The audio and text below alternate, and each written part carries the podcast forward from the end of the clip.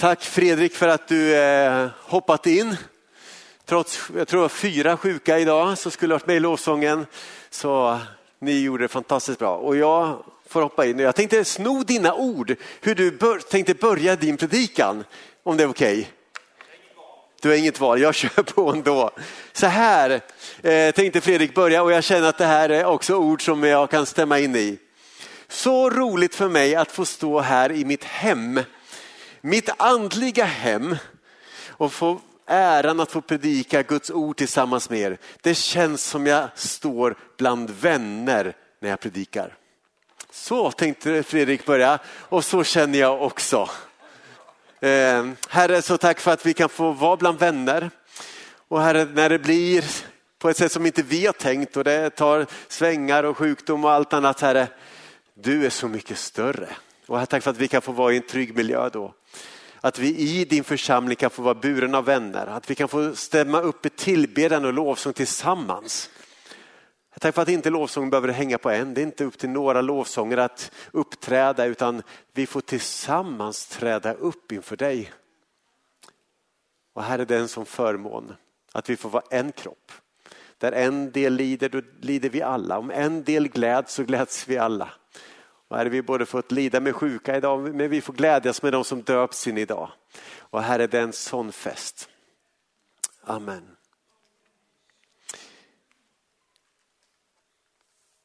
Året 740 år före Jesus så, så var Israels folk delat.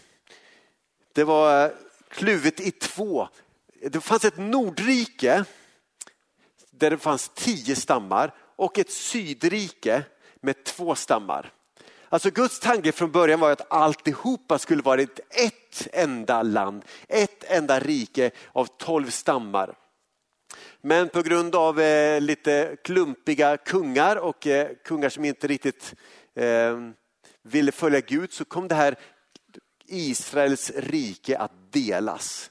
Tio stammar upp i norr och två stammar nere i söder. Juda och Benjamin. Och Benjamin var knappt att prata om en stam för de var väldigt få. Så här var situationen. Och i den tiden, år 740 år före Kristus, så kallade Gud en profet. Och han kallade profeten Jesaja. Och Jesaja han verkade i det här lilla riket nere i söder, uppe i bergen, uppe runt Jerusalem på 700-800 meters höjd. Medan Nordriket hade varit i det bördiga Jordandalen uppe vid Genesarets sjö. Där hade liksom de andra liksom stammarna funnits. Och så var det nu att folket då hade blivit uppdelat. Och Jesaja han fanns i Sydriket under fyra olika kungar. Ungefär halvvägs in som profet så händer någonting. Därför att det här landet uppe i norr som fortfarande man tyckte, ja, men de, vi hör ju ändå ihop även om vi nu är delade.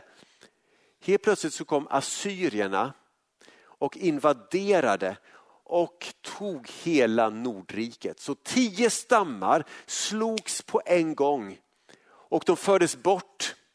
Och det här landet som då kallades för Israel uppe i norr, det utplånades. Och istället då för att det skulle vara Israels folk som bodde i den här bördiga dalen runt Genesarets sjö och Jordandalen så var det nu fienden som trampade på den marken. Och det här var jobbigt för Israels folk.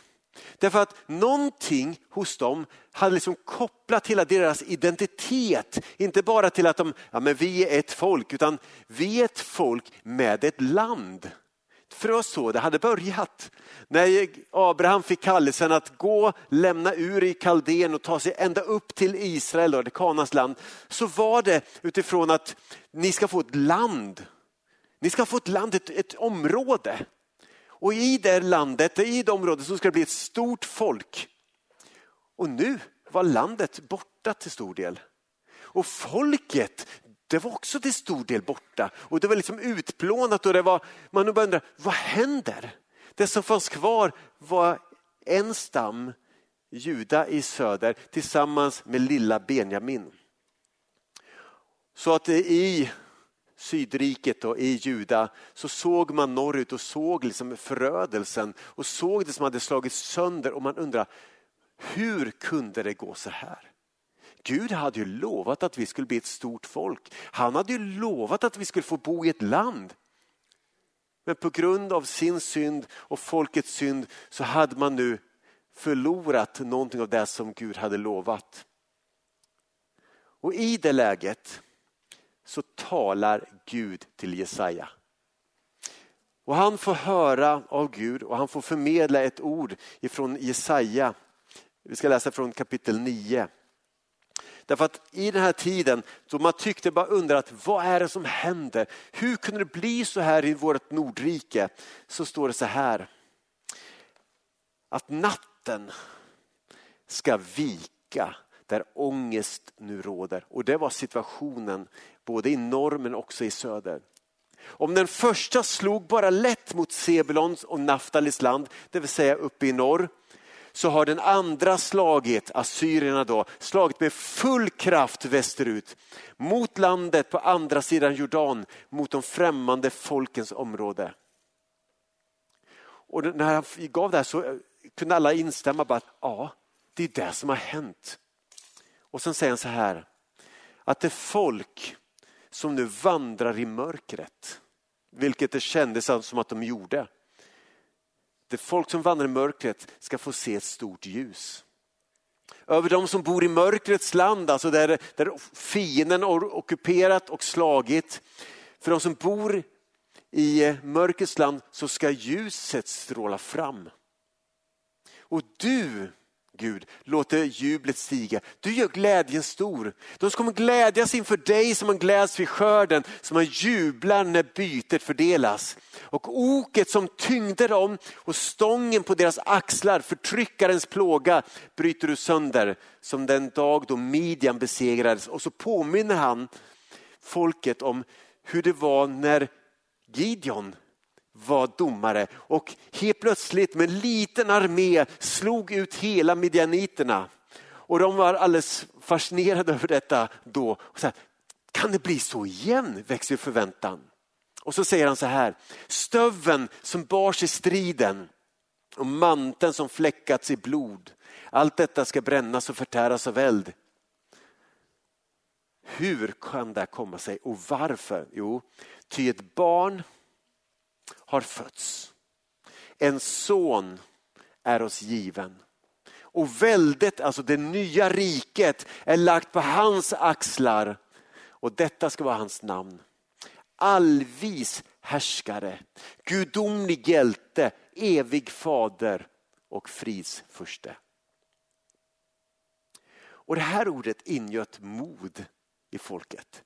Man hör det här bara, tänk det ska komma ett barn, det ska födas en ny kung som ska göra slut på förtrycket, som, som ska förena oss, det ska bli ett välde utan slut. Han ska vara en fredsfurste. Det här kommer bli riktigt bra. Och sen går det ett antal år och Jesaja dör.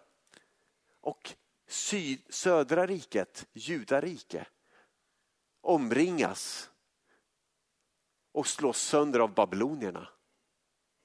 Och så förs judafolk bort som slavar bort till Babel. De har kvar Jesajas ord som de läser.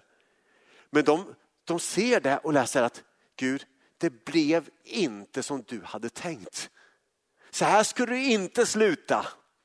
Du sa att det skulle komma ett barn som skulle göra slut på allting, men nu är det slut på oss.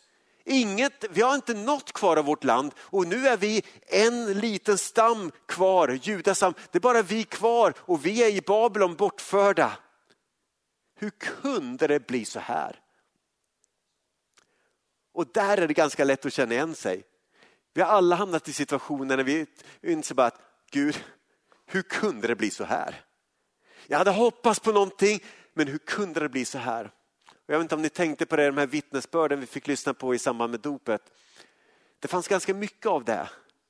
Av ganska mycket att livet, jag, jag vill inte ens leva. Jag, det fanns inget hopp, det fanns ingen möjlighet, det fanns ingen väg framåt för mig. Det såg mörkt ut. Men någonstans har de fått uppleva att det finns ett ljus som trots allt kunde bryta in i det mörkret. Så här, situationen då när judafolk fördes bort var att man började nog ifrågasätta. Förväntade vi oss för mycket? Hade vi för höga förhoppningar på de här orden? Eller hur ska vi se på det? Jesaja hade talat om ljus, om ett barn som skulle födas, om en fredsförste, om en, eh, en person som skulle ha ett rike utan slut, om en allvis härskare.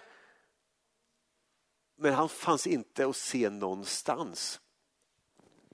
Istället ett land i kaos, i mörker, ångest och fruktan.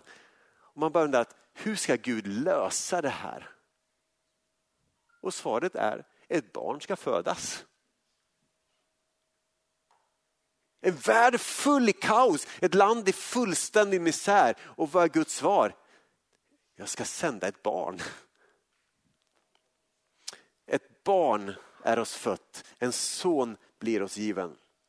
Jag vet inte, Andreas, du har också jobbat med barn i många år som barnpastor. Jag jobbade i Falun många år med barn. Och när man har söndagsskola och ställer frågor så kan man få mycket spännande svar. Ehm, man kan till exempel fråga att vem skapade jorden? Och då läser barnet och de flesta barn svarar Jesus, för att Jesus är oftast rätt svar i söndagsskolan. Eh, och så kan man fråga liksom att, vet, känner ni till han som ledde folket ut ur Egypten? Ja, Jesus! Eh, nej, inte Jesus den här gången. Och eh, jag var ett tillfälle så vet jag att jag, jag ställde en fråga och eh, att, eh, kommer ni ihåg, vad var det Jesus delade också att det räckte till 5000 personer? Då var det ett barn som inte riktigt hade hängt med i söndagsskolan. Så jag frågade, vet du det? Och så, va? Jesus? Nej, han delade inte på Jesus. Nej. Men i det här fallet så är det faktiskt det som är svaret. Vi sjunger en sång eh, förr i tiden som är så här, Jesus han är svaret för vår värld idag. Och det är faktiskt sant. Så när Jesaja sa att hur ska det här lösa sig, den här hopplösa situationen, det här mörka, det här splittrade riket, det här sönderslagna riket. Det, hur ska det här lösa sig? Man kan inte se någon utväg, inget hopp. Så är Guds svar Jesus. Jag ska, jag ska skicka ett barn. Ett barn ska bli er givet. Och det är Jesus som är svaret. Men det tog över 700 år. Om vi bara tänker göra matematiken i Sverige och backar 700 år, då är vi på 1300-talet. Tänk att ett löfte, ett ord från 1300-talet kan få ligga och gro och gro och verka i århundrade efter århundrade. Generationer kommer, generationer går. Men det här ordet ligger kvar som en så efter 700 år så är det inte riktigt så här att när någon säger att snart är det dags, ja, ja, det har vi trott i många hundra år. Men Gud visste vad han gjorde. För det står så här, när tiden var inne. Alltså när tiden liksom var fullbordad, när, när tiden var redo och Det är spännande att läsa om vad som, den tid som var när Jesus föddes. För att det fanns helt andra förutsättningar i världen då mot vad det hade fått, funnits för 700 år innan. För när Jesus föddes fanns det ett stort rike som hette romarriket med fina vägar, det fanns en infrastruktur, det fanns en slags Schengenavtal som gjorde att du kunde resa i hela det här kungariket, hela det romerska riket. Och då, där i den tiden, när man dessutom som Israels folk talade arameiska, kunde, så, så kunde man ett, ett språk som talades i stora delar av världen. Och i den tiden så föddes detta barn. Ett barn är oss fött. Och det är det vi firar när vi firar jul. Och när jag hörde vittnesbörden idag så blev man bara påmind om att Tänk att Jesus är svaret idag också. Man såg inget hopp, ingen utväg, men så klev Jesus in. Och för oss i Immanuelskyrkan, och jag vet att det är samma sak i SOS Church, för oss är Jesus svaret för vår värld idag. När vi undrar hur ska mitt trasiga, sönderslagna, sargade hjärta, mitt liv som har trasats sönder, hur ska det kunna bli helt? Så är svaret Jesus. För det är bara Jesus som kan kliva in i våra liv och göra det undret. Men det är inte tack vare julens budskap som Gud kan lösa det. Därför att julen vore ingenting utan påsken. Och vi behöver påsken för att förstå julen. Jesus han fick namnet Immanuel, Gud med oss. Och frågan är varför behövde Gud bli en av oss? Jo, därför att människan var förlorad. Vi var precis som Israels land, sönderslaget, sargat, vänt oss bort ifrån Gud. Och svaret för oss är också ett barn ska födas till oss och en son ska ge, ges till oss. Därför att mörkret finns inte bara i världen, det finns också i våra hjärtan. Och vi behöver få in Guds ljus. Precis som det ljuset skulle få lysa i mörkret över Sebulon och Naftalis land. Så vill Gud låta ljuset få lysa in i våra hjärtan, in i våra liv. Och jag längtar efter att i vår få dra igång Alfa igen. Och tänk om vi får köra en, en eh, kurs också på urdu, på pakistanska. Det hade varit fantastiskt roligt. Så det ska vi be för att det ska få göra. Men Gud han valde att bli en av oss eftersom inte vi kunde bli med honom. Fanns ingen väg tillbaka men Gud själv valde att lämna himmelens läktarplats, ta sin boning ibland oss. Och han valde att kliva in och ödmjuka sig. Han valde att låta sig dödas och bli uppspikad på ett kors. Han föddes in i den värld han själv hade skapat. Han levde ett liv där han visade vem Gud är och han offrade sig själv för vår synd, för vår skuld, för vårt mörker. Och det här är också det budskap som Jesaja har. I slutet av eh, Jesajas eh, eh, brev eller text eller bok så kan man läsa i kapitel 53. Därför att Jesaja talar om hur barnet ska födas i kapitel 9. I kapitel 40 talas det om hur man ska bana väg för denna konung som kommer ridande, som kommer in i Sion, gör portarna höga, gör portarna vida liksom, och se till att vägen är rak för honom som kommer.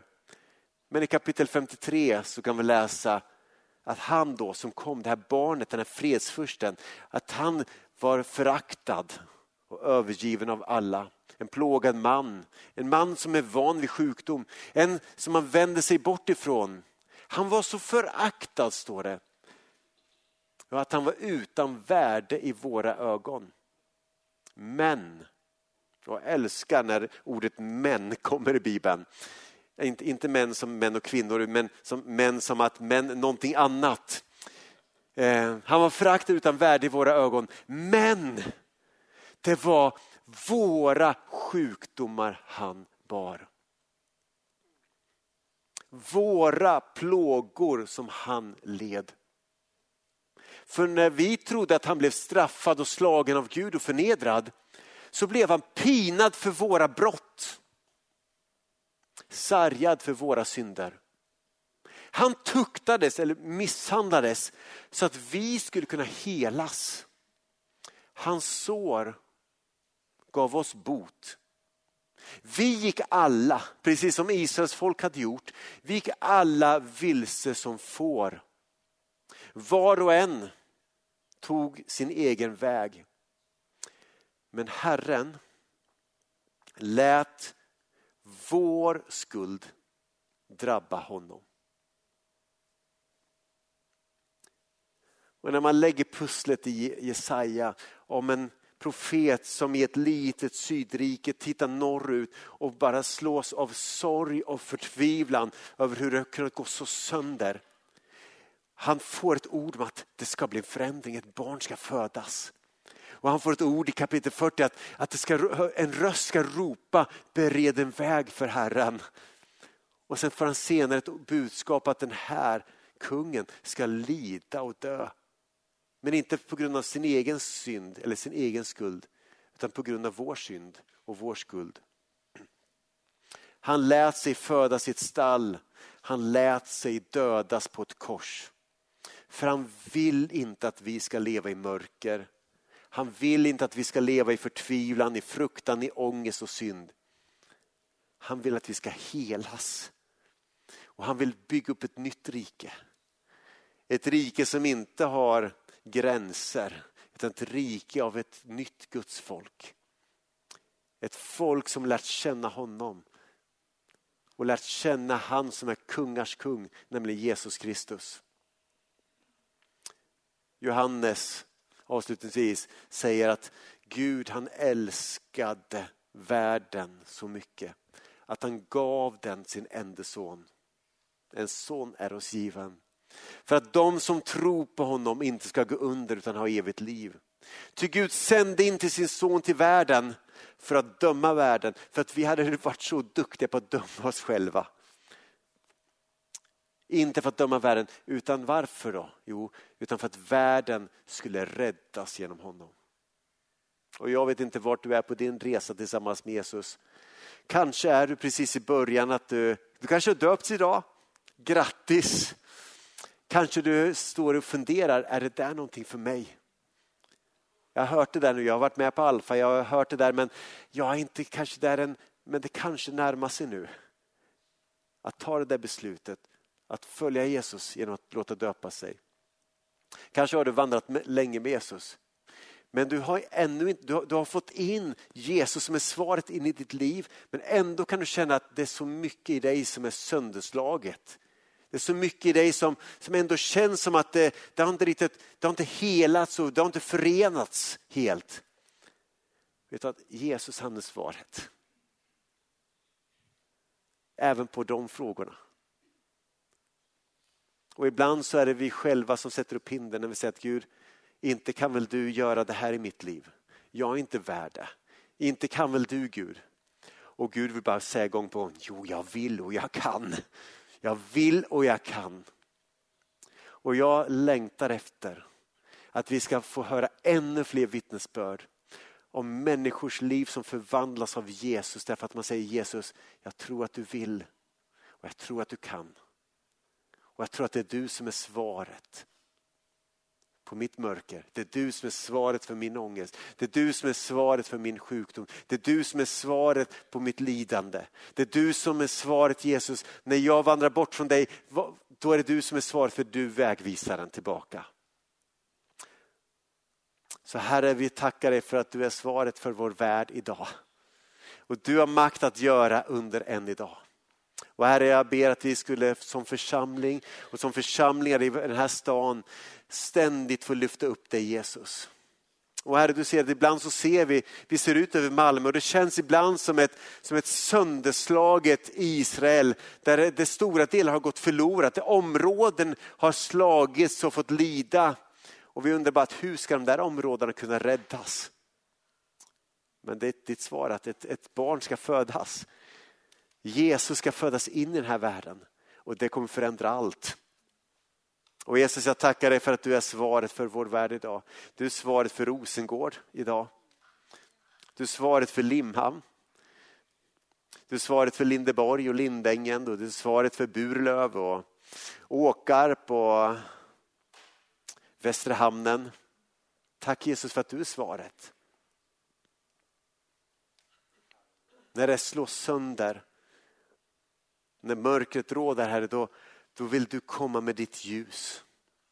Och tack för att, att Israels folk, när de tänkte att vi förväntar oss nog för mycket så är det, Herre, de förväntar sig faktiskt för lite. Du är så mycket större än vad de någonsin skulle kunna tänka sig. Och Jesus, du är så mycket större än vad vi kan tänka oss eller ana. Därför att du klev in i den här världen så att vi idag kan få uppleva ditt liv in i våra liv. Så att vi idag kan få uppleva hur du griper in i våra mörker. Och Herre förlåt för att vi inte tror dig om mer. Så Herre jag bara ber att du skulle få komma med din ande och blåsa på oss. För vi behöver dig. Helig ande, andas på oss och ge oss av din tro. Föd liv i oss föd mer tro i oss att få se det du kan göra. Och Herre, låt oss få bli församlingar i Malmö som säger att det är Jesus som är svaret. När man frågar, vad ska jag göra? Men tro på Jesus. Herre, låt oss få vara en Jesusförsamling. Låt oss få vara Jesusförsamlingar. Be för SOS. Herre, tack för att de redan är det i så stor utsträckning att för dem är det Jesus, du är svaret på, på deras frågor. Och tack för att du är samma sak för Emanuel, Herre. Tack för att vi får sätta du är svaret för våra liv. Du är svaret för vår värld idag. Och Jesus, jag ber att du skulle få vara i centrum för allting som vi gör. Och Herre, och jag vet också att tron på dig, det är inte bara en lära, det är inte bara någonting som vi fixar ihop och ja, men det här tror jag på. Jesus, du är personlig. Du är en person. Du gick här på jorden, du lärde känna lärjungarna. Men tack för att du fortfarande idag är lika verklig. Att vi idag kan få lära känna dig Jesus. Så Jesus, jag vill att du rör vid våra hjärtan. Knacka på dem. Och du vet de här inne som, som känner att det, det är mörkt. Landet är sargat och ångest råder. Tack för att du får komma med ditt ljus. Kom med läkedom till de som behöver helande. Jag tror någon har problem med en, en, en biceps som man har skadat och det gör ont i ett, fäste på din bicepsmuskel på, tror jag, på höger arm. Du har också någon har problem med vänster knä på utsidan och du, eh, det smärtar när, när du går lite längre så smärtar det. Jag tror också någon har problem med, med, med en av mittentårna på, på höger fot som, som eh, domnar bort och som, eh, som liksom tappar känsel. Gud kan hela. Så jag ber för dem här om det finns de, något av det här gäller någon här inne så bara ber jag att du skulle få komma med läkedom. Jag ber när vi har förbönen sen här, jag ber att vi ska få be för det också. Tack Herre för att du är en Gud som kan kliva in och du kan bli svaret för våra sjukdomar idag. Du kan bli svaret för, vårt, för, för, för allting som vi går igenom. Tack Jesus för att du är här. Tack för att du är här. Ska vi göra så att vi ställer oss upp? Ska vi be att förebedjarna går bort till förbönsplatsen.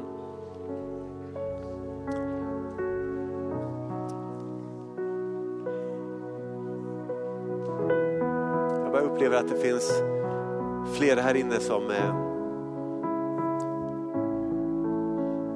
när du ser på ditt liv så känns det som att Jesus har fått en allt mindre och mindre del av ditt liv. Att som att Jesus han har, han liksom fasats ut lite mer i periferin. Att du lever på ditt liv och han finns där. Du tror på honom men om du skulle få använda din ord så skulle du säga att ja, men jag känner honom inte lika väl idag. Jesus vill umgås med dig. Han vill vara nära dig. Om du känner att det är du så, lägg gärna handen på ditt hjärta. Och jag känner också det behovet att få bara berätta för Jesus att jag vill lära känna dig mer. Jag vill komma närmare dig Jesus. Så himmelska Fader, tack för att du sänder din son hit till världen så att vi skulle kunna förstå vem du är. Så Jesus, jag vill bara inbjuda dig på nytt in i våra liv. Herre, ta centrumplatsen i våra liv på nytt. Du ska inte vara i periferin utan vi inbjuder dig Jesus att sätta dig vid förarsätet i vårt livsbil och kör oss. Vi hoppar in på passagerarsidan och säger att dina vägar, din väg, inte min. Så helig Ande, tack för att du är här just nu. Jesus rör vi oss. Förlåt att vi har satt dig på sidan Herre, men nu på nytt vill vi bara över Låt oss på nytt och säga Jesus kom in i mitt liv på nytt. Du som är svaret för vår värld idag. Du har makt att göra under än idag så gör det i mitt liv. Jag behöver ditt ljus. Jag behöver dig som är fridsfursten. Du som är allvis härskare, fredsfursten. Kom in i mitt liv. Fyll mig på nytt med din helige Ande.